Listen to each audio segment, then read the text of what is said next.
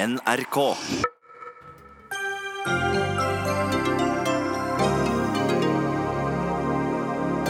Regjeringen lar skylda på de tunge Teslaene for at staten taper avgiftsinntekter. Men ingen får mer avgiftslette av denne regjeringen enn bensin- og dieselbilene. Kunstnerne får stadig dårligere inntekt, mens Linda Helleland gir stadig mer penger fordi det blir stadig flere kunstnere. Arbeiderpartiet vil begrense midlertidig opphold for mindreårige asylsøkere, men vil ha seg frabedt at de myker opp asylpolitikken. Er ikke det Aps asylpolitikk i et nøtteskall, da? Og årets Nobels fredspris til ICAN, som kjemper for en atomfri verden, er penger som mest sannsynlig er tjent på produksjon av atomvåpen. Finnes det unnskyldninger for sånt?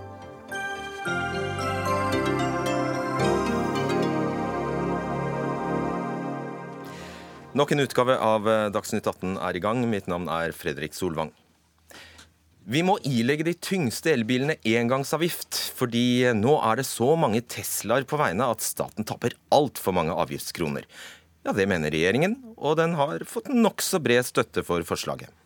Og det er sant. Inntektene fra bilavgiftene har sunket dramatisk de siste årene. Faktisk med 25 milliarder kroner på ti år, ifølge Aftenposten. Men skurken er ikke elbilene. Årsaken til at staten taper avgiftskroner, er de vanlige bensin- og dieselbilene. Det er de, og ikke Teslaene, som har fått de største avgiftslettene de siste årene. Stefan Heggelund, stortingsrepresentant for Høyre. Hva er egentlig årsaken til at de tunge elbilene over to tonn nå får engangsavgift? Det er fordi at vi alle alltid har vært enige om at på et tidspunkt så må også elbiler eh, betale noe avgift. og Derfor så begynner vi moderat med dette. Det gjelder bare de aller tyngste og de aller dyreste elbilene. Foreløpig altså to Tesla-modeller, og det er jo derfor den har fått kallenavnet Tesla-avgiften. Og så er det jo ikke så veldig rart i det regnestykket du nevner at eh, det ser slik ut. Det er nemlig to grunner til det. Det ene er jo at elbilene har ikke noe avgifter. Eh, det andre er at vi gjennomfører et grønt skatteskifte. Det har vi begynt med. Det betyr at eh, også fossilbiler vil få noe avgiftslettelser, fordi det er bra at bilparken byttes ut. Nye fossilbiler forurenser mindre enn gamle fossilbiler. Men så gjør vi det dyrere å forurense og bruke dem ved å øke drivstoffavgiften, som denne regjeringen har gjort. Svaret på spørsmålet mitt om hvorfor eh, de tunge elbilene må få engangsavgift, eh, var altså fra deg at de må få avgift fordi vi har avtalt det, sier du. Vi skal høre hva Nikolai Astrup svarte på det spørsmålet her eh, i Dagsnytt 18 12.10. Vi henter i dag inn ganske mange milliarder kroner fra bilavgifter.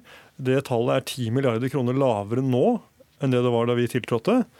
Og det skyldes i stor grad at vi har vridd avgiftene i miljøvennlig retning, og at flere kjøper biler uten avgift. Hvilket du ønsket? Hvilket er ønsket. Erna Solberg har sagt omtrent det samme, at eh, de ti milliardene skyldes at folk nå kjøper elbiler uten avgift. Hva står det i Høyres program om null- og lavutslippsbiler? Det står at eh, det skal være i 2025 så skal vi ha null- og lavutslippsbiler. Eh, altså Målet er at vi bare skal ha null- og lavutslippsbiler fra og med 2025 av nybilkjøpet. Vi er i gang med å nå det målet. 40... Ja, jeg spurte deg bare hva som sto der. Ja, Hvor mye har dere økt da? Jeg kan jo fortelle den gode nyheten om at ja. 48 eh, av bilene kjøpt i september i år var enten rene elbiler eller hybridbiler. Så vi er i ferd med å nå disse ambisjonene 16 våre. av bilene som ruller på veiene er elbiler. Hvor mye har dere økt avgiftene på eh, fossilbiler for å få dette til? Altså for å nå dette målet om eh, null salg av nye bensin- og dieselbiler ja, i 2025? Hvor mye har dere økt avgiftene på vanlige dieselbiler og bensinbiler? Ja, men som jeg sa, så er det også viktig å bytte ut bilparken på det fossile markedet jeg spurte, hvor mye har, har dere økt avgiftene på fossil- og dieselbiler for å få til, for å komme nærmere dette målet? Ja, og Som jeg da svarer, så er det at det skal alltid økonomisk lønne seg å kjøpe elbil.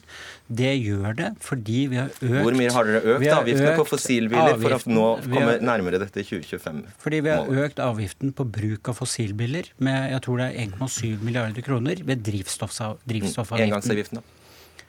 Nei, altså det Vi ønsker å bytte ut bilparken i Nei, Norge. Altså, men eh, Hvor mye har dere økt avgiften med? Nei, men Som jeg sa, så har det jo vært noen avgiftslettelser på kjøp og investering av nye biler. For å ha gjort det billigere å kjøpe bensin- og dieselbiler? Ja, men Det sa jeg jo i sted. For å bytte ut bilparken. Fordi de nye fossilbilene forurenser mindre enn de gamle fossilbilene, men altså fordelene for elbilene er helt enorme, og det vil de fortsatt være med denne. Marius, ja, bra. Marius Holm, daglig leder i miljøorganisasjonen Zero selv. Med engangsavgift har altså elbilen store fordeler foran fossilbiler hva gjelder avgifter, parkering, bomringer. I tillegg er det jo både billigere å fylle tanken, og de, bedre, og de har bedre framkommelighet i trafikken. Og det er altså ikke nok.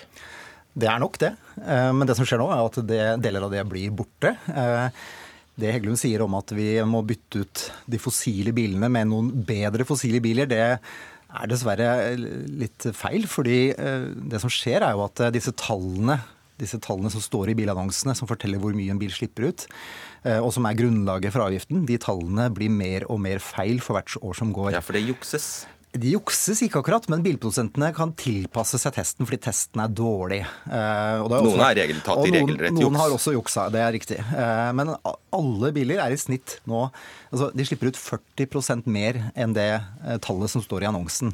Og Før så var det bare 10% over, og det øker. Så den, vi har rett og slett brukt da i størrelsesorden 6-7 milliarder kroner på å gi avgiftslette til forurensende bensin- og dieselbiler, som er omtrent like forurensende som de vi hadde før. Så for, for, den enorme pengebruken så har vi fått nesten ingenting. Og hvis vi ser på den avgiften som dere nå foreslår å innføre, som er på 75 000 på, eh, på en bilmodell som har null utslipp, så er det høyere avgift enn over 50 000 av de forurensende bensin- og dieselbilene som ble solgt i fjor. Så Det betyr altså at vi har høyere avgift på nullutslippsbil enn på forurensende bil. Mens det som står i Høyres program, det er jo at man skal øke avgiften på de fossile bilene. Mm. Så og så gjør de det motsatte. Det de det gjør sier. det motsatte av det de har mm. sagt. Så dette gjør jo at det blir veldig stor usikkerhet om hva som skal lønne seg. Hva er det regjeringen egentlig vil at folk skal gjøre? Men man tar jo ikke med hele regnestykket her. Altså De økonomiske fordelene med å ha elbil er fortsatt enorme, også med denne innføringen på engangsavgiften på de aller dyreste og tyngste elbilene. Fordi du betaler ikke moms. Du kan aldri betale mer enn halvparten av vanlig pris i bompenger. Du har stort sett gratis parkering uansett hvor du er, og det er bedre fremkommelighet, og du slipper økte drivstoffavgifter fordi at du ikke bruker drivstoff. Så du må ta med hele regnestykket. Og nå har vi hatt en stor debatt pga. denne engangsavgiften eh, på, som, hvor, hvor, det er blitt sagt at vi skaper usikkerhet for fremtiden til elbiler i Norge. Hvem er det som skaper den usikkerheten med den debatten? Fordelene ved å velge nullutslippsbil er kjempestore. Det vil de fortsette å være hvis vi får lov til å styre, og det vet Marius Holm veldig godt. Ok, Så hvis ikke du skaper den usikkerheten, hvem er det da som gjør det? Nei, Det er jo når det fremstilles som om totalregnestykket er at det er dyrere å ha en elbil enn en fossilbil. Vi har altså gjort det dyrere å bruke fossilbiler enn det det var før. Vi har en større avgiftsøkning på drivstoff med denne regjeringen enn under åtte rød-grønne år. Bare sånn at det er sagt. Ja. Og det er fordi vi gjennomfører det grønne skatteskiftet. Marius, det, det, det, det, er et hovedpoeng for deg da at det hadde vært bedre å faktisk øke engangsavgiftene på de fossile bilene. Er det sånn? Ja, Hvis det er inntektene til staten vi er bekymra for, så er det mer å hente der. ja, Vi hørte jo fra Astrup at det, var, det, er egentlig det han er bekymret ja, og for. Det er, og der, det er der det er mest å hente. Og det er der vi må hente pengene hvis vi ønsker å drive dette skiftet videre framover. Og så nevnte jo eh, Heggelund her at eh, på et tidspunkt så må jo elbiler betale moms og avgift. Og det forstår jo alle. Eh, det skal skje, har det vært sagt tidligere, når elbilen er konkurransedyktig. Og hvis vi da skal innføre moms på elbil om noen år, sånn gradvis, som jo er naturlig, så vil jo det være helt katastrofalt for elbilsalget hvis vi i mellomtiden har innført engangsavgift på elbiler som er høyere enn engangsavgiften på nesten halve bilsalget av fossile biler. Altså da, da blir det umulig å innføre moms når det tidspunktet kommer, fordi da vil altså, da er avgiften på fossile biler så lav at elbilsalget vil stoppe opp. Mm. Så hvis vi skal lage et robust skift her, hvis vi skal gjøre dette på den smarte måten som sikrer statens inntekter, så øker vi avgiften gradvis på de fossile bilene. Da gjør vi det stadig mindre lønnsomt å kjøre fossil bil. Vi opprettholder statens inntekter, og så gjør vi systemet klart for den dagen hvor det blir riktig å innføre avgift på elbil. Har du tenkt å innføre høyere engangsavgift på fossilbiler? Jeg har tenkt å gjennomføre det grønne skatteskiftet som jeg har begynt med. og Det handler om at eh, det å kjøpe noe for å bytte ut en bilpark kan være billigere, i hvert fall en periode. Og det å bruke forurensende biler blir dyrere, sånn som det er blitt med denne regjeringen og det borgerlige flertallet. Så det skal bli stadig Men billigere å kjøpe men- fossilbiler? Nei, det var jo altså ikke det jeg sa. Men jeg sa vi har begynt det grønne skatteskiftet ved å ha noe reduserte avgifter på, på biler, slik at bilparken kan bli byttet ut. Men hvis jeg får lov til å kommentere noe av det Marius Holm sa. Fordi enigheten om elbiler opprinnelig var at man skulle begynne å innføre avgifter på elbiler når det var 50 000 elbiler i Norge. Da sa, jo, og da sa flertallet Er du ikke enig om det engang? Nei, det, altså, det stemmer ikke. Det Det, som, er, det som har vært det som Hvis var jeg kan, avtale- får jeg lov til å fullføre nei, det resonnementet jeg begynte Nei, for det stemmer faktisk ikke. Jo, det gjør det. Nei. Da sa denne regjeringen nei, det gjør vi ikke. Vi lar det gå mer tid. Nå er det over 100 000 elbiler på veiene i Norge. Det er kjempebra. I dag hadde vi høring i energi- og miljøkomiteen. Der viste det seg at det var jo ikke full enighet heller i elbilmiljøet, hvis man skal kalle det det, når og hvordan man skal begynne å innføre avgifter på elbiler. Jeg mener vi har valgt en fornuftig løsning, en moderat løsning. Det er bare de tyngste og aller dyreste bilene som rammes av avgift. Du får ta raskt eh, din tolkning av stortingsvedtaket. Det som ble vedtatt i klimaforliket, var jo at man skulle eh, minst ha elbilfordelene til over 50 000 biler. Da skulle man gjøre en evaluering for hvordan det skulle gå videre. Den ble gjort. Og så ble man enige om at dette skulle videreføres til 2020. Du, så dette er et brudd på avtalen. Og det er, jeg mener, det er jo helt absurd at nullutslippsbiler skal ha høyere avgift enn en stor del av fossilbilsalget. La meg spørre deg, Marius, det er å gjøre de feil totalregnskapet? Totalregnskapet er som sånn. Altså, økningen i lønne seg med elbil. Økningen, det er totalregnskapet. økningen i dieselavgift som denne regjeringen har innført, er bra. Men den monner ganske lite på personbil. Det er Mm. Siste ikke det som gjør at dette lønner Marius. seg. Marius Holm. Eh, har dere, når, har Zero, når tok Zero sitt til orde for uh, høyere engangsavgift på, eh, på fossilbiler? Det gjør vi i hvert eneste statsbudsjett. Da kommer vi med konkrete forslag til hvordan vi på en forsiktig og nøktern måte skal gjøre fossilbilene gradvis dyrere. I høringssvaret til Grønn skattekommisjon skjønner du, så er det ikke et spor av det. Vi har eh, i mange publikasjoner forklart hva vi mente om Grønn skattekommisjon. Eh, de foreslo å mangedoble avgiften på elbil og senke avgiften på fossilbil. Det forslaget har selv Høyre heldigvis gravlagt for godt. Takk skal dere ha, Marius Holm og Stefan Heggelund. Dagsnytt 18 alle hverdager klokka 18.00 på NRK P2 og NRK2.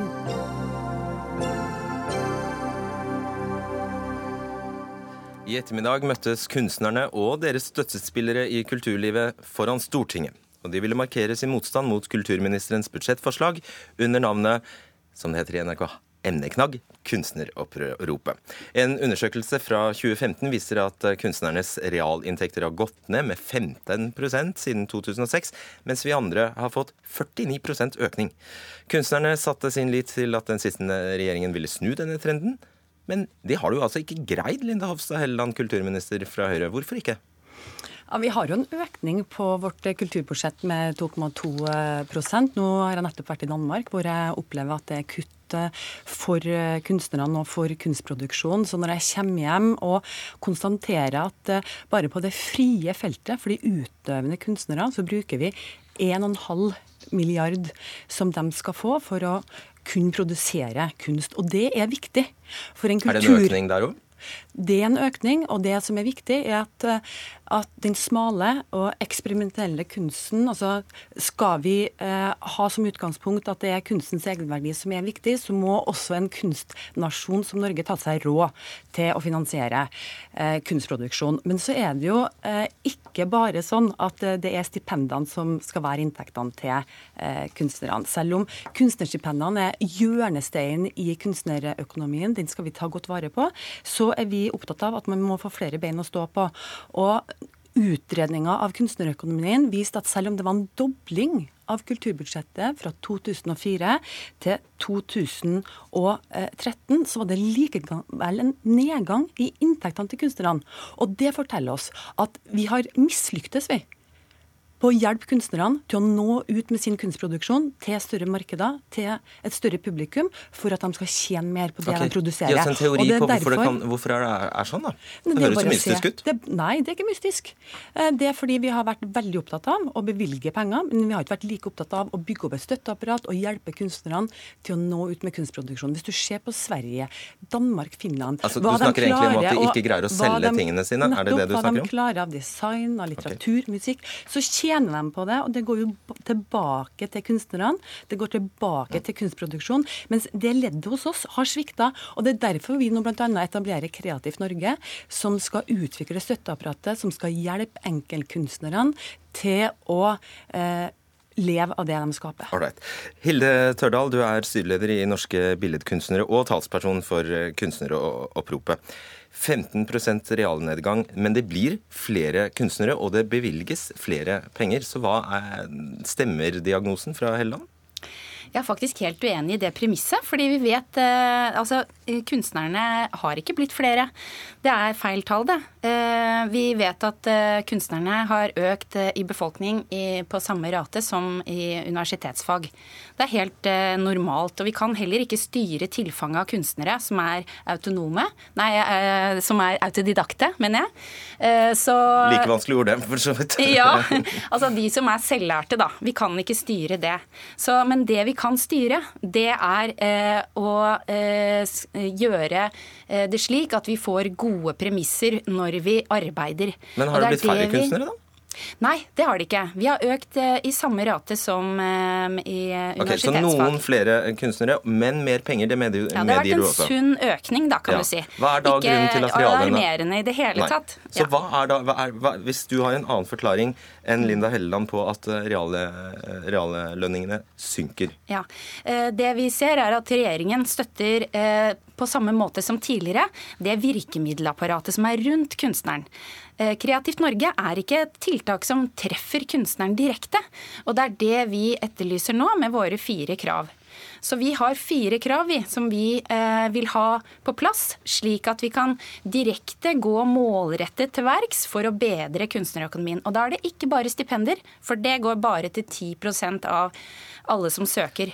Så vi ønsker også å styrke eh, vederlag, honorar, ikke sant? alle de andre som, som du også er inne på. Og det jeg opplever, er at vi er enig i når vi snakker om det, men så er vi uenige om virkemidlene. Det er ikke jeg enig i.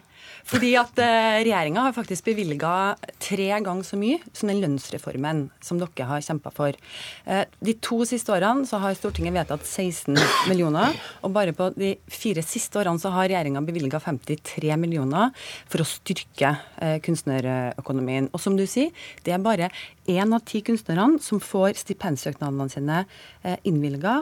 Og derfor så er vi nødt til å få til et, et bredere spekter av tiltak. Og det etterlyste jeg fra kunstnerorganisasjonene, fordi at man så ensidig har vært opptatt av å styrke eh, stipendene, og ikke ikke sette det i et større okay. perspektiv.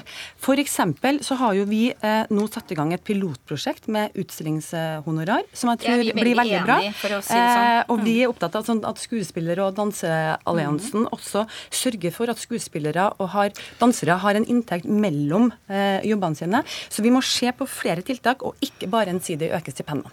Eh, vi må ha, altså du sier Reallønna har, har sunket med 15% Hva er reallønna for kunstnere?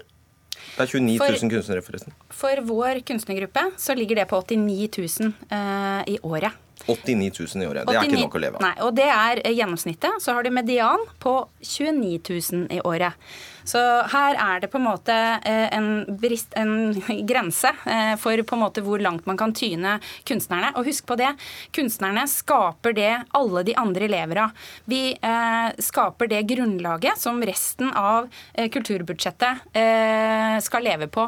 ikke sant? Og når på en måte 1 av kulturbudsjettet går til, kultur, altså til kunstnerformål, så er det ganske lite.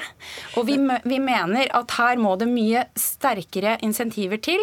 Vi må eh, få eh, opp den finansieringen som, som, er. Man må begynne å selge litt mer i stedet, som Helleland sier? Her. Man må, begynne å, selge, man må begynne å lage litt mer populære produkter, som Helleland sier, og selge dem? Vi lager kjempepopulære produkter. Det er bare det at når du går på en kunstutstilling, så går du kanskje ikke primært der for å kjøpe et verk. Jeg vet ikke hva du gjorde sist. Gikk du for en kulturopplevelse, eller kjøpte du et verk? Jeg gikk nå for det første. Ja.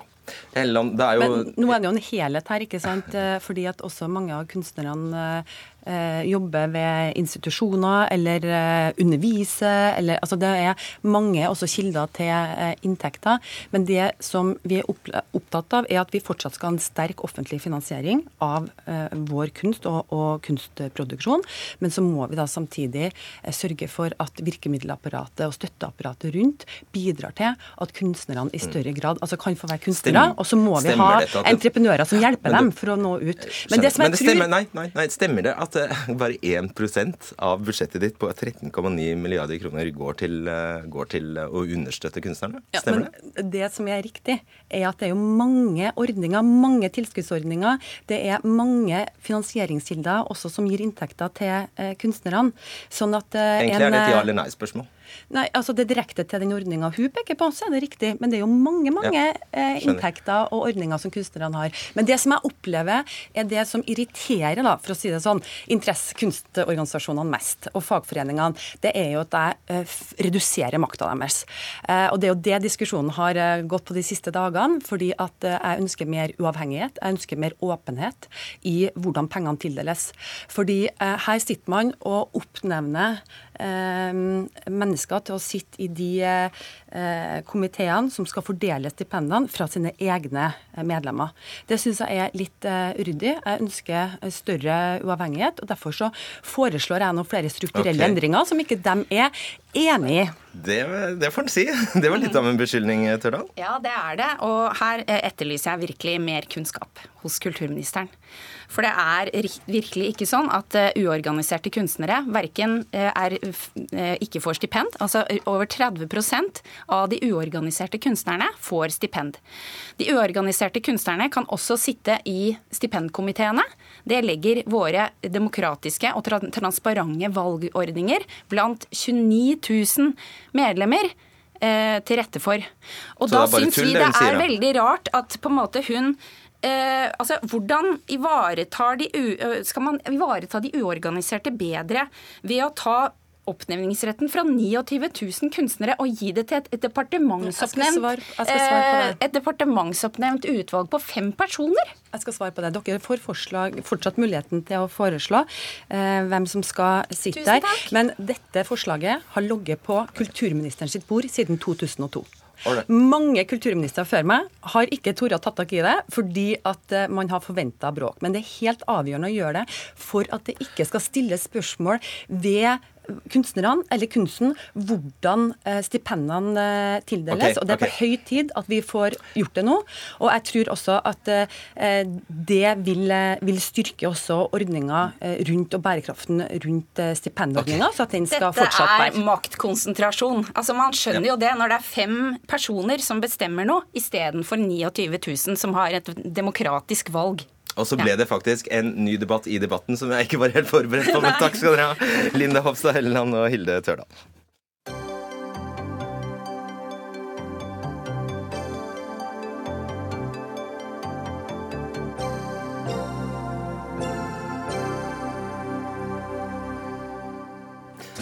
Det siste året har bruken av midlertidig opphold for enslige mindreårige asylsøkere økt veldig. Fra januar til september fikk 355 av 831 mindreårige midlertidig tillatelse. Og mange som synes dette høye antallet er et problem, har gått og ventet på Arbeiderpartiets løsning. Og den kom i dag, den.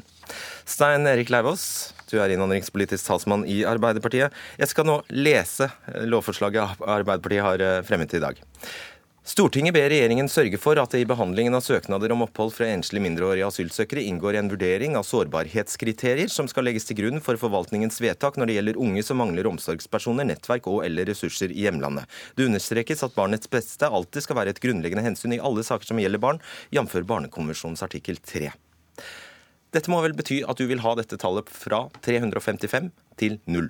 Nei, eh, vi har ikke satt noe tall eh, verken eh, til null eller andre tall. Men vi har fulgt opp det som eh, Arbeiderpartiets landsmøte eh, hadde en eh, stor debatt om, og som vi er opptatt av. Og det er å sørge for at vi får så lite midlertidighet som mulig. Hva betyr det? det er ingen som har så sagt... lite som mulig, hva betyr det? Ja, ja, nå skal, altså, de som kommer til Norge, og spesielt de yngste, vi snakker om de yngste og kanskje da, altså mest sårbare, mm. de skal ha sin individuelle eh, behandling av søknadene. Det skal være rettssikkert. ikke sant? Dette skal vi gjøre på en Ja, er ordentlig måte. vårt. Ja, det, ja, det Ja, er systemet, vårt. så Det er systemet vårt. så få som mulig. Hva så betyr ser det? vi, og så ser vi at vi har fått en veldig sterk økning eh, i midlertidige opphold. Ja. Det var landsmøtet til Arbeiderpartiet bekymret for, den utviklingen. Og så vedtok landsmøtet at her skulle vi be om et, eh, et sett med det som eh, landsmøtet sa var sårbarhetskriterier. Ja. Nå gjør vi det. Ja, og hva med skal det håp om- føre til, med spør jeg da. håp om at midlertidighet, bruken av midlertidig opphold skal gå ned. Hvor mye ned? Det kommer an på de søknadene som kommer, for de skal ha sin individuelle Av de de behandling. 355 som i rett- dag det- nå har er midlertidig men Nå, opphold. nå er vi tilbake til det som er kjernen i det. Individuell behandling av søknaden. Grundig, godt, rettssikkert. De som har grunner, altså får opphold, de skal bli. De som ikke har, de skal returnere. Ok, Så det er umulig. Jeg får ikke noe tall ut fra Jeg, får ikke noe, jeg kommer ikke nærmere noe svar fra deg på Ikke hva på- e- Nei, dette dessverre. egentlig vil innebære, faktisk. Nei, ikke tallmessig, for det kommer jo an på søknadene, selvfølgelig. Ålreit. Hadde du helst sett at tallet ble null? Skulle du ønske deg det?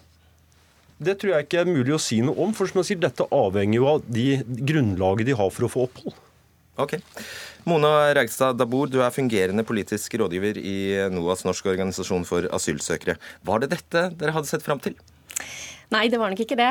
Eh, Det er ikke så lett å forstå hvor Arbeiderpartiet vil eh, med dette. Og vi er jo ganske skuffa over det forslaget som har kommet, siden vi kan ikke se at det vil føre til en reell nedgang i bruken av midlertidig opphold til, eh, til enslige mindreårige. Hva er det, du, sier? det vil ikke føre til noe som helst, er det det du sier?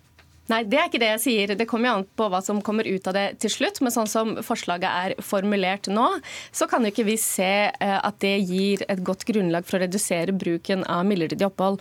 Forslaget Men det er jo hele poenget med det. ja, ja, nettopp. Eh, Forslaget handler om å innføre sårbarhetskriterier. Eh, Men det er jo noe som eh, norske myndigheter allerede er forplikta til å vurdere. Norske myndigheter er etter eh, barnekonvensjonen forplikta til å vurdere barnets beste, og tillegge dette hensynet grunnleggende vekt ved vurdering av asylsaken. Men da er det vel antagelig helt nytt at man nå skal ta hensyn til om det finnes omsorgspersoner, nettverk og eller ressurser i hjemlandet. Det må jo være nytt, i det minste. Mm. Nei, det er ikke det. Dette er forhold som er, eh, er en del av de vurderingene som, eh, som UDI allerede skal gjøre, som de er forplikta til å gjøre etter, eh, etter Barnekonvensjonen. Men da må skjønner jeg jeg, må, ingenting. Hva må er det arbeid- samtidig ja. fortelle at eh, eh, vi har lansert en kartlegging denne uken i samarbeid med, med Redd Barna og Fellesorganisasjonen, som viser at UDIs, eh, UDIs barnets beste-vurderinger i disse sakene er veldig mangelfulle. Så det er helt klart et forbedringspotensial når det kommer til de vurderingene som UDI gjør. Eh, Ok. Men, men eh, en vurdering av sårbarhet, det er Det regjeringen allerede der, allerede forplikta til å gjøre. Da er dette keiserens nye klær, Leivås? Nei, det er ikke det. For nå skal vi se dette også i sammenheng med det forslaget som eh, SV, MDG og Rødt fremmet på tirsdag. eh, Som var i fire punkter. Eh, Hvor bl.a. man eh, snakker om å nedsette et, eh, et utvalg som skal vurdere praksisen. Man snakker om større åpenhet om landvurderinger. Og man snakker om å ha denne mekanismen for å, å følge opp returer. Hvordan det gjøres. Og i tillegg, og i tillegg så er det altså bare, jeg virkelig ikke hva du mente med det. Betyr det Nei, stopp en halv. Stopp en, unnskyld meg. Ja, du sier dette skal vi se i sammenheng med et annet representantforslag fra SV, MDG og Rødt, som Ja. handler om at det skal settes ned et utvalg, og at det skal eh, gjennomføres, og at man skal vurdere større åpenhet. Ja. Eh, hvorfor ikke bare bake det inn i forslaget, da? Jo, men altså, Nå er det jo to ulike forslag som er blitt fremmet, ett på tirsdag og ett eh, i dag. Og Det vil jo være helt ufornuftig å ikke se disse, disse tingene i en, i en sammenheng. ikke ja, hvorfor ikke tillegg, lage ett forslag? Og I tillegg så handler jo også dette faktisk om de sikkerhetsvurderingene som Norge gjør, og som regjeringen gjør. Det er på grunnlag av sikkerhetsvurderingene man sender mennesker tilbake til, til Eritrea, Somalia og Afghanistan og hva det måtte være. Så vi mener jo også, fordi at vi har fått litt ulne svar på hvordan de ja, sikkerhetsvurderingene er vurderes mener dere, eh, med dere i Arbeiderpartiet det er feil har- å sende tilbake til Afghanistan? Be, vi, vi mener at det er på høy tid at Norges utenriksminister kommer til Stortinget og redegjør, enten i komiteen eller i Stortinget. altså Det må bli en diskusjon eh, hvordan hva som er best. Men kommer og redegjør for hvordan regjeringen utarbeider sine sikkerhetsvurderinger, som jo er grunnlaget for alle returer til alle land. For du mistenker det er utrygt i Afghanistan? For utrygt i ja, men det, tror jeg, det kan ikke ha forbigått noen at en rekke organisasjoner i Norge Jeg spør deg og- om du mistenker det. Og, og uten, Ja, vi har fått med oss det utenlands, at mange FN, organisasjoner har de sagt det, de peker på at, de, at, eh, at Norge har en helt annen sikkerhetsvurdering enn en rekke andre land. eh, Og Derfor så er det viktig å få på en måte en redegjørelse fra utenriksministeren. Hva er det Norge bygger sine sikkerhetsvurderinger på? Jon Helgheim, innvandringspolitisk talsperson i Fremskrittspartiet. Vet du hva Justisdepartementet mente konsekvensen av å ta bort dette såkalte rimelighetskravet i sin tid eh, ville bli? Altså, la meg bare kort forklare det. Det var eh, et eh, flertall på Stortinget for å fjerne rimelighetskravet, som igjen gjorde det mulig for norske myndigheter å plutselig begynne å sende eh, afghanere, f.eks., som kom fra Helmand-provinsen, ikke til Helmand, men til Kabul, som ble regnet som et sikkert sted. Det var et jeg, kanskje lenge siden jeg stilte spørsmålet. Nei, men jeg husker spørsmålet. Ja, ok. eh, Og spørsmålet var om eh, vi visste konsekvensen. Mm. Konsekvensen var at det skulle være en innstramming. Vi så, og Arbeiderpartiet så, at det kom altfor mange eh, flyktninger uten grunn. Og man måtte gjøre noe med det. Det så også Arbeiderpartiet i 2009, når de innførte muligheten til å bruke midlertidighet. Eh, sånn at De har jo vært med på innstramminger fordi de har sett at det kommer for mange uten grunn. Og så sier de nå at det, men de visste ikke at det kom til å bli brukt. Eh, og det syns jeg er veldig spesielt å sitte her og si. Eh, og om jeg ikke var forvirra over det forslaget som de har fremma før, så er det i hvert fall etter den forklaringen jeg har fått nå. For det er jo sånn at midlertidighet det bruker man på de som har fått avslag, men som ikke kan sendes hjem pga. at de er for unge. Eh, Alternativet da må jo være at alle skal få opphold, selv om de egentlig ikke har noen grunn for å få opphold i Norge. Eh, Ellers så må du sende dem ut før de eh, er 18 år. Og Arbeiderpartiet vil ikke noen av de delene, sier de. Men det de har fremma nå, er egentlig et forsøk på å gjøre det lettere å få opphold i Norge uten grunn. Det er det signalet de sender ut nå. Selv om du får avslag på sø søknaden din, så skal vi gjøre en eller annen eh, sårbarhetsvurdering Så som egentlig Hvis er innarbeida får fra før. flertall for dette, så, du, så tror du at flere får bli? En oppmykning? Det er det de prøver på, men så har de kanskje ikke lest regelverket og sett at det, det er jo sånn at eh, sårbarhetsvurderingen er jo selvfølgelig en del av totalpakka når man vurderer asylsøknadene. Men det er jo tydelig at det er et Arbeiderparti i en stor skvis her. De vingler jo fra det ene til det andre og går har. Ikke klart å lande på noe. De klarer ikke å forklare engang hva kriteriene skal innebære. Kan du bekrefte, Lagos altså, at det ja, er men- en Ja, oppmykning? Kan du bekrefte at dette er en liberalisering? Fremskrittspartiet må forsøke å bevege retorikken sin noe. For hver eneste gang, eh, uavhengig av hvem som prøver å diskutere noe rundt dette, så får man beskjed om at det er oppmykning osv. Ja, er det det? Men hvis det er sånn at dette allerede er praksis, å vurdere de sårbarhetskriteriene, så kan du ikke samtidig sitte og si at det er en oppmykning, for da er jo det dere holder på med sjøl. Så du må jo, altså, du må jo. Bestemme Men- deg. Men jeg må jo vet jo, jeg vet jo at dere vil at flere Men- uten grunn skal få bli. Det, det er det eneste jeg kan tolke ut av dette. det Men dere klarer ikke å være ærlige på det. Det har vært en meget sterk økning i midlertidig opphold for enslige mindreårige asylsøkere. Det kan vi være Med enige om. Med deres velsignelse. Så, ja, Men så står det jo også, når dere la fram den proposisjonen, så står det også å lese eh, at eh, det viser til at de som ikke lenger får rett til beskyttelsesstatus fordi rimelighetsvilkåret, rimelighetskriteriet oppheves, vil få søknadene vurdert etter den skjønnsmessige bestemmelsen i paragraf 38, Mm. og at innholdet i denne bestemmelsen normalt vil favne de tilfeller hvor det tidligere ble vurdert urimelig å henvise til internflukt. Og er der vil dere, er der Nå, vil dere nå stopper jeg dere. dere Nå stopper jeg dere. Nå kan du svare på spørsmålet. Er dette en oppmykning, Lauvås? Nei, men det er en presisering av, av Det er ikke en oppmuntring. Nei, det er en, ja, det er en presisering, for vi mener at det er helt nødvendig, og i hvert fall etter alle de rapportene som har kommet fram, og etter alle de ulne svarene vi får på hvilke sikkerhetsvurderinger denne regjeringen gjør, så mener vi også at det er helt på sin plass å få utenriksministeren Ja, på teppet og ta og redegjøre for hvordan dette egentlig foregår i regjeringen. Det har du sagt. Mona Reigstad da bor alternativet til midlertidig opphold må jo være permanent opphold, eller at de bare blir kastet ut den dagen de blir 18 år. Frp snakker om eh, hvordan man skal, skal finne en løsning for å begrense antallet antall barn på flukt som kommer til eh, Norge. Og FrPs løsning med å sende nedbrutte, psykisk nedbrutte barn på drift i Europa, det er i hvert fall ikke en, eh, en løsning sånn som vi ser det. 400 ungdom med midlertidig opphold, dvs. Si nesten halvparten av ungdommene som har fått midlertidig opphold, har forsvunnet. Og vi vet ikke hva som har, som har skjedd med dem. Vi får bekymringsmeldinger om at noen av disse bor på gata i, i Paris. Mm. Um, og så eh, det, det, jeg tenker vi må snakke om, er hva vi gjør med de barna som nå befinner seg på mottak her i Norge, som har alvorlige psykiske helseproblemer. Eh, som ikke klarer å konsentrere seg om skole, eh, ikke klarer å konsentrere seg om fritidsaktiviteter. Vi ser eksempler på, eh, på selvskading, selvmordsforsøk og et stort antall forsvinninger. Og her er ikke tiltak i mottak godt okay. nok. Det er, et, det er, et, plaster på såret. Det er så grunnleggende vanskelig å leve FRP med midlertidighet. Frp er jo vanligvis veldig opptatt av uh, at asylsøkere stikker av. Her er tallene slik som, uh, slik som Dabor beskriver. Nesten 400 enslige mindreårige har altså forsvunnet. Hvor er de? Nei, Det vet vi ikke, og det er bekymringsfullt. Har du tenkt å ta ansvar for det? De det, det, har vi tenkt å gjøre. Vi, vi kunne jo sagt at de er borte, problemet er løst. Eh, det sier vi ikke. Vi ønsker å gå i dybden for å finne Leter ut Leter dere, eller hva gjør dere? Det gjøres et arbeid for å finne ut av dette. Men det som hadde vært veldig Hva slags arbeid da? Det gjøres flere ting for å prøve oss å spore opp hva er det som skjer, hvorfor stikker Hvordan går det?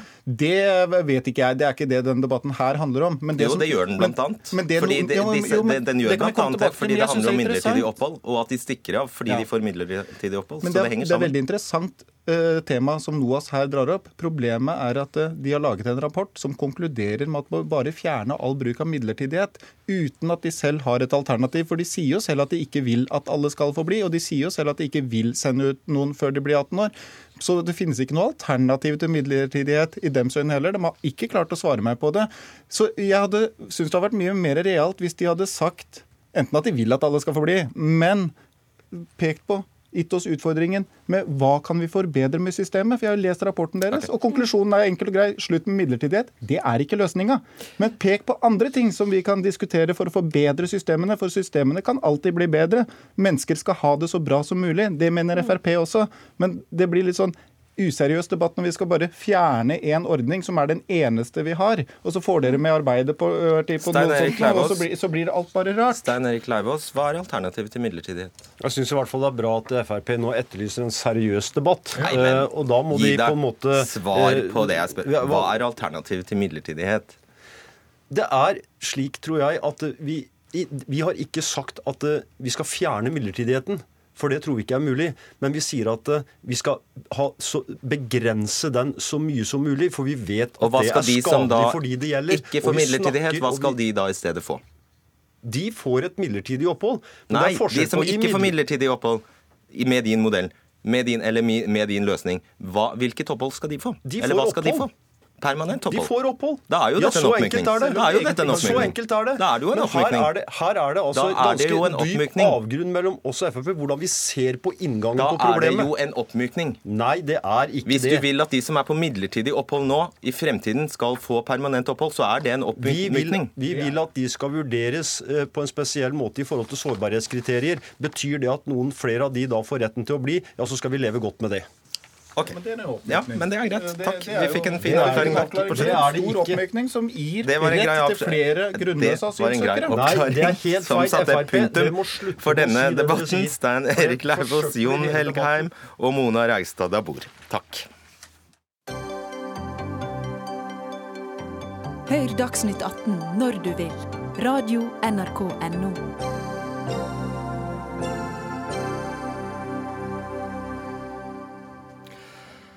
Om drøye seks uker blir Nobels fredspris delt ut til den internasjonale kampanjen for forbud mot atomvåpen ICAN i Oslo rådhus. Men prispengene på ni millioner svenske kroner kan komme indirekte fra produksjon av nettopp kjernevåpen. Framtiden i våre hender mener Nobelstiftelsen må legge all informasjon om sine investeringer på bordet, og har nå sendt et brev til stiftelsen med en rekke krav. Dette etter at de fant ut at stiftelsen investerer i tobakk, kull, våpen og mest sannsynlig i kjerne- og klasevåpen. Og det er Nobelstiftelsen for ordens skyld er altså den stiftelsen som skal forvalte formuen eh, Alfred Nobel etterlot seg, og som finansierer de fem eh, nobelprisene. Anja Bakken Riise, du er leder i Framtiden i våre hender. Hvor sikre er dere egentlig på at uh, Nobelstiftelsen har investeringer i atomvåpen? Mm. Aller først vil jeg gjerne si eh, og gratulere så mye til ICAN, som er årets fredsprisvinner. De gjør et veldig viktig arbeid. Um, det her handler altså om investeringen og Nobelstiftelsen plassering i høyst problematiske våpen eh, og andre typer selskaper som jobber mot det Nobelsprisen eh, deles ut til. Men vi er, altså, vi er høyt, høyst eh, Vi mener at det er høyst sannsynlig at Nobelstiftelsen er investert i eh, Altså vi vet at de er investert i en rekke problematiske selskaper, men det er høyst sannsynlig at de også er investert i atomvåpenselskap. Og litt av grunnen til at det er vanskelig for oss å si det altså Grunnen til at vi må ha dette lille forbeholdet, det handler om at Nobelstiftelsen er upresis i sine rapporteringer. Vi har tatt utgangspunkt i deres årsrapporter. Eh, der har vi sett på eh, fondsnavnene som de oppgir. Eh, så har vi søkt dem opp i internasjonale databaser. Og det er vanskelig å finne igjen akkurat de samme fondene. De går under forskjellige navn, f.eks.? For de går under forskjellige navn. sånn at vi, vi, kan etter all sannsynlighet si at det er de samme. Og der finner vi altså rekka av disse kjernevåpenprodusentene. Men vi kan jo ikke være 100 sikre, eh, og vi syns det er problematisk at Nobelstiftelsen er såpass upresis i sine gjengivelser av hvor de plasserer investeringene sine. Ja, og bare for å uh, name og shame her, altså de selskapene heter f.eks. Ja, eh, disse kjernevåpenselskapene, eh, da er det vel snakk om eh, Lockheed Nei, er, det Boeing? Ja, du har Boeing og du har Grunnmann Korp og noen litt sånn krevende navn som jeg ikke mm. kan så godt. Mm. Mm. Airbus og Safran, kan det stemme? Det kan stemme. Ålreit. Olav Njølstad, Njølstad, du er direktør for Nobelinstituttet og sekretær for Den norske Nobelkomité. Du snakker ikke for Nobelstiftelsen, men Nobelstiftelsen er innforstått med at du deltar eh, her i dag. Eh, og ja Hva syns du det passer seg i det hele tatt at ICAN skal motta penger som altså kommer fra investeringer i atomvåpen, når de, bruker, når de har fått prisen for å kjempe mot atomvåpen? La meg først si at det jo ikke er Den norske Nobelkomité som styrer investeringspolitikken til eh, stiftelsen, bare så det er helt klart. Eh, jeg vil først si at jeg ønsker eh, den kritikken som har kommet, og det søkelyset som har kommet fra Fremtiden i våre henders eh, rapport, veldig velkommen. Jeg støtter helt ut målsettingen om at Nobelstiftelsen ikke bør investere i selskaper som direkte eller indirekte bidrar til produksjon av atomvåpen. Så hvis dette kan fremskynde en allerede godt iverksatt prosess, og det kan jeg komme tilbake til, så syns jeg dette er veldig gledelig. Kan du bekrefte eller avkrefte at det faktisk skjer? Jeg kan eh, for det første bekrefte at det er selskaper innenfor denne investeringsporteføljen som direkte eller indirekte er med på å produsere atomvåpen. Mm. Punkt én. Punkt to. Vi har, i motsetning til hva fremtiden i våre hender hevder, et etisk regelverk på dette området. Det ble vedtatt i mars i år. Da blir vi alle nysgjerrige på hvordan det ser ut. Ja, det skulle vi gjerne sett.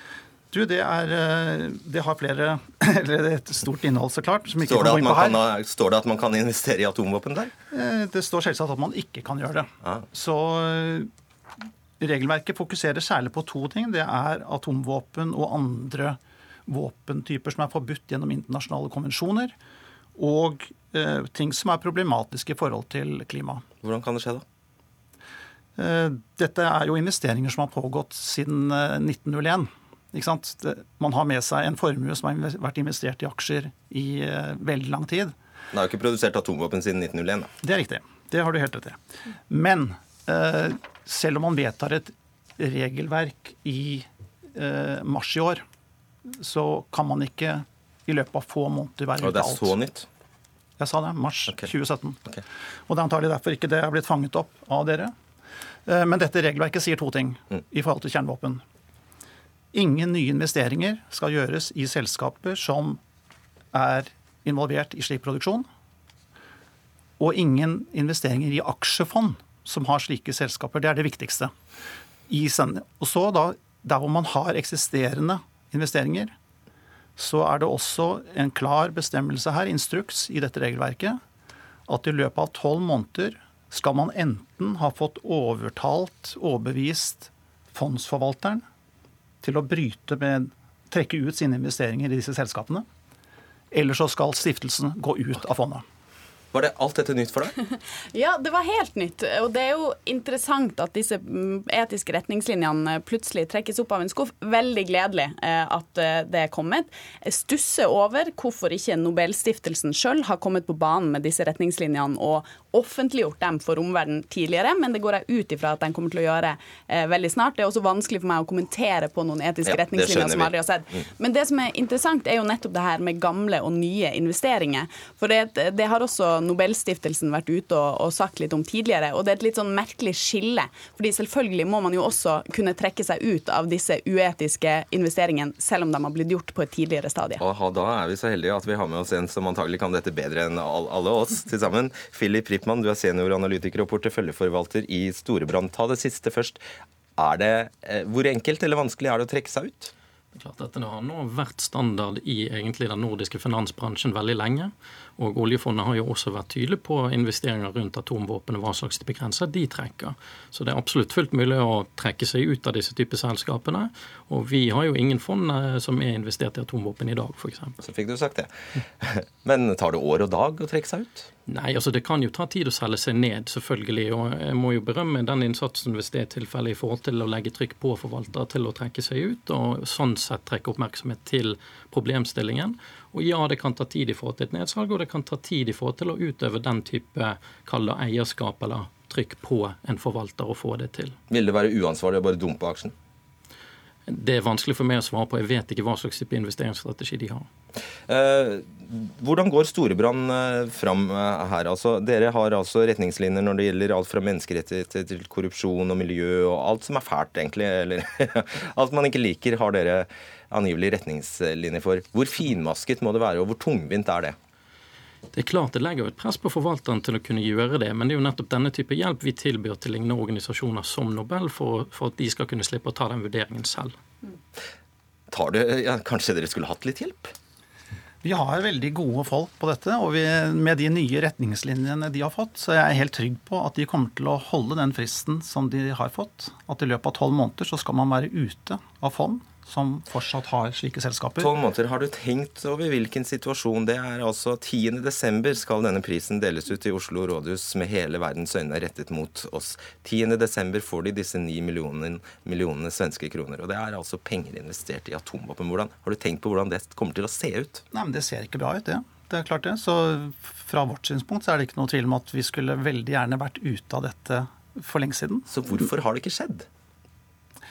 Det kan jeg faktisk ikke si så mye om, men denne diskusjonen har pågått over flere år. Man knyttet seg jo først til noen av disse internasjonale eh, regelverkene og eh, investornettverkene eh, som har etiske retningslinjer, men de går ikke i særlig grad direkte på kjernevåpen.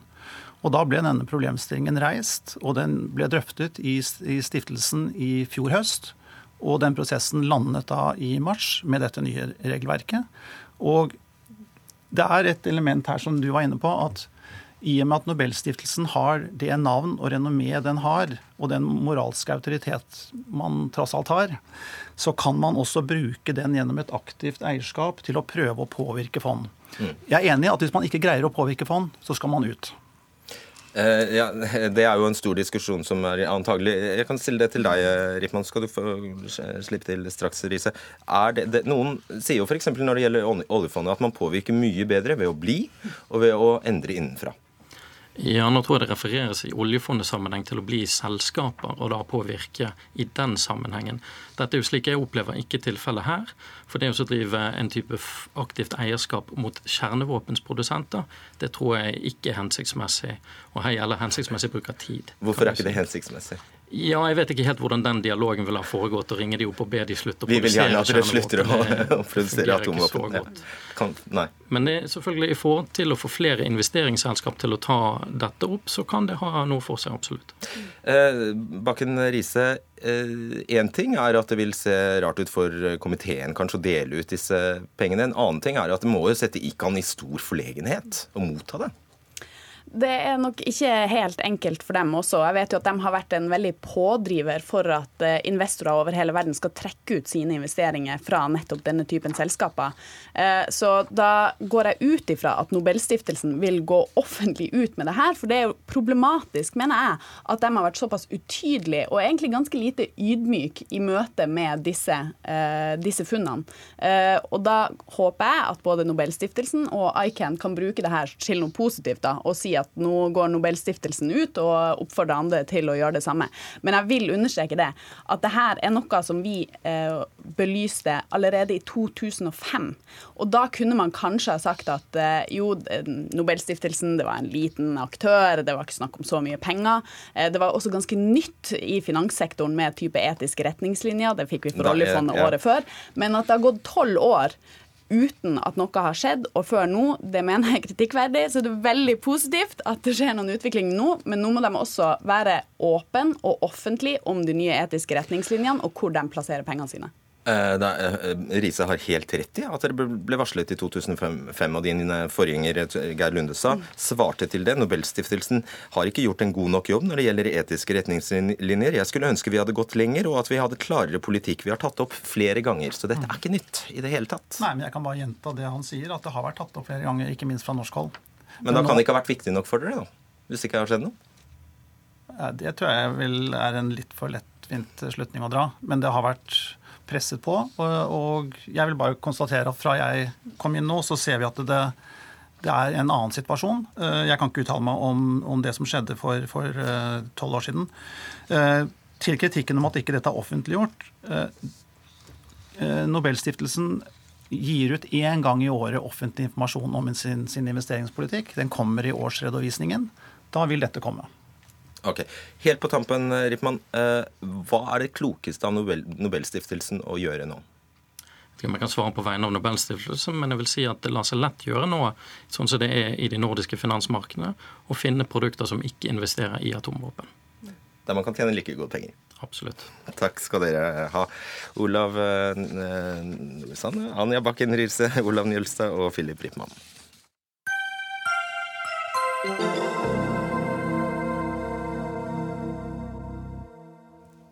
Politi og demonstranter har støtt sammen flere steder i Kenya under dagens presidentvalg. Og så langt er det meldt om tre drepte. Opposisjonen i landet boikotter valget, som er et omvalg etter at det forrige valget i august ble underkjent. Sverre Tom Radøy, Afrikakorrespondent for NRK, du er med oss fra hovedstaden Nairobi. Hvordan er situasjonen nå?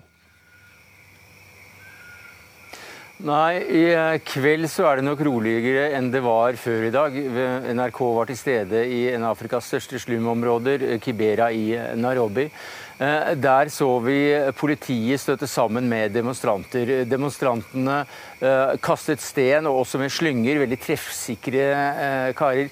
Og, og, politiet skjøt da tilbake med, eh, med tåregasspatroner og skarpe skudd. Dette, på, dette pågikk i time etter time etter time. Hele dette området med kanskje én million mennesker i en slum eh, lå dekket dekket av tåregass, i hvert fall store deler av den. Det var svært dramatiske timer å være vitne til. Eh, andre steder i landet har det vært like ille. I Kisumo eh, vest i landet ved Viktoriasjøen, eh, er i hvert fall ett menneske drept. Det har vært harde kamper. I Matare, en annen et annet slumområde i Nairobi, ble også et menneske drept. Også der harde kamper. Men presidenten sier at i 90% av landet ja, så har det vært rolig. Og det kan faktisk godt hende, men vi har også konsentrert oss om de områdene der det har vært voldelig. Mm. Eh, så er altså dette et eh, omvalg etter at valget i august ble kjent uh, ugyldig pga. angivelig datahacking med mer. Og det har ført til at opposisjonen boikotter valget. Hva slags valg er det da egentlig? Nei, det er jo, Opposisjonen mener at ikke det er noe valg. Opposisjonen mener at det er et valg av en slags diktator. For presidenten er altså den eneste reelle kandidaten i dette valget. Det er noen andre også, men til sammen fikk de under 1% av stemmene i augustvalget, så vi, så vi glemmer dem. Det dette valget kan være, det er en slags folkeavstemning om, om presidentens legitimitet. Hvis det er en enorm uh, deltakermasse under dette valget, ja, så vil det styrke presidenten som sådan. Men vi skal huske at med bare én reell kandidat, ja, så er ikke dette noe demokratisk valg slik vi kjenner det. Så er det da også mange som sier at uh, dette kan være begynnelsen på slutten på Afrikas mest velfungerende demokrati, Kenya. Det er store demokratiske friheter i landet, men ved valg så surrer de det ofte til. Arne Tostensen, du er seniorforsker ved Christian Michelsens institutt. Opposisjonsleder Odinga og president Kenyatta tilhører to forskjellige dynastier, eh, kan man kalle det. Lang historie bak seg. Kan du forklare hvor, viktig, hvor, hvor mye spiller det en rolle? Jo, det spiller en rolle. Reila Raila Odinga er sønn til Oginga Odinga, som var visepresident under landsfaderen Jomo Kenyatta, som var far, som var far til Uhuru Kenyatta, dagens president. Eh, disse representerer da ulike etniske grupper, og vi skal huske på at eh, skillelinjen, de politiske skillelinjene i Kenya ofte er etniske. Så man stemmer på folk som kandidater som tilhører hans egen etniske gruppe. Og disse to personene, eh, det er litt forskjell i alder på dem, men de representerer da ulike etniske grupper. Det er interessant også at Uhuru Kenyatta, som kommer fra Kikuyo-gruppen, som er en av de største i landet, har alliert seg med en annen gruppe som kalles Kalenjin, eh, som også støttet tidligere president Moi i lang tid. Og det er en ganske eh, sterk koalisjon som gir mange stemmer. Eh, Raila Odinga eh, har alliert seg med Luya-folk i Vest-Kenya og kambaene i litt sør øst for eh, Nairobi og sentralprovinsen. Så disse to representerer store folkegrupper i landet. Mm. Du var observatør i 2007 og så uh, opptøyene som fulgte etter det. og Da ble altså både Odingo og Kenyatta tiltalt av Menneskerettighetsdomstolen i Haag for forbrytelser mot menneskerettighetene. Det ingen domsavsigelser, og vitner ble plutselig borte, og alt smuldret uh, bort. I hvilken grad uh, er det slik, Sverre Tom, i hvilken grad er det grunn til å frykte det Sverre Tom Radøy er inne på her, at faktisk det kenyanske demokrat, demokratiet kan forvitre? Ja, jeg tror kanskje det er en overdrivelse. Vi skal huske på at i opptøyene i 2008, i to hele måneder, at den eldre generasjonen er ganske vaksinert mot den type vold, hvor eh, omtrent 1200 personer ble drept, og kanskje 350 000 ble fordrevne fra sine hjem. Og de ønsker ikke en repetisjon av eh, slik eh, voldsutøvelse. Men så skal man huske på at mange av de unge folkene som i dag driver med disse slyngene og kaster stein osv., de var knapt nok snørrunger i 2007. Så de har ikke den samme hukommelsen omkring eh, disse tingene. Og ikke de samme hemningene heller når det gjelder voldsutøvelse. Så det kan godt tenkes at det kan bli noe eh, etter valget. Ja, skal jeg bare korrigere meg selv at det var bare Kenyatta som altså ble ført for domstolen i Haag. Sverre Som Rade, EU har nå trukket ut sine, eller de fleste av sine valgobservatører pga. manglende sikkerhet. Hvem er det da som skal kontrollere, kontrollere at dette valget går riktig for seg? Det er jo eh, fremdeles en god del valgobservatører igjen, da, og det diplomatiske korps det følger nøye med, men har mistet en del troverdighet. For både observatører og diplomatkorpset uh, var raskt ute med å, å anerkjenne uh, valget i august, i hvert fall store deler av den prosessen. De har også sagt at, Og det, ble da annullert av Høyesterett rett etterpå. Eh, de har også sagt seg fornøyde med forberedelsene til dette valget, før også et fremtredende medlem av valgkommisjonen rømmer for livet til USA og sier at dette kan ikke bli et fritt og demokratisk valg. Formannen i valgkommisjonen sa noe av det samme. Og lederen, altså direktøren for valgkommisjonen, har tatt tre ukers ferie i utlandet. Så observatører og diplomatkorpset har ikke noen høy stjerne i deler i hvert fall av befolkningen i Kenya. Så at de trapper litt ned, det tror jeg det, det, av sikkerhetsgrunner, det, det, er mange som sikkert mener er fornuftig. Når er det, når er det ventet et resultat her? Nei, Det er ikke fastsatt ennå. De har gjort litt om på prosedyrene. De var veldig raskt ute i august og erklærte Kenyatta som vinner ut ifra hva de hadde på skjermene sine og, og, digitale målinger. Mens eh, nå kan det ta mange dager. Eh, nå skal det telles opp eh, via skannede formler, i Nairobi. Ok, Tusen takk skal dere ha, Sverre Tom Radøy og Arne Tossensen. Dagsnytt 18 er over for denne gang. Arnhild Myklebust, Lisbeth Selreite og Fredrik Solvang sier god kveld.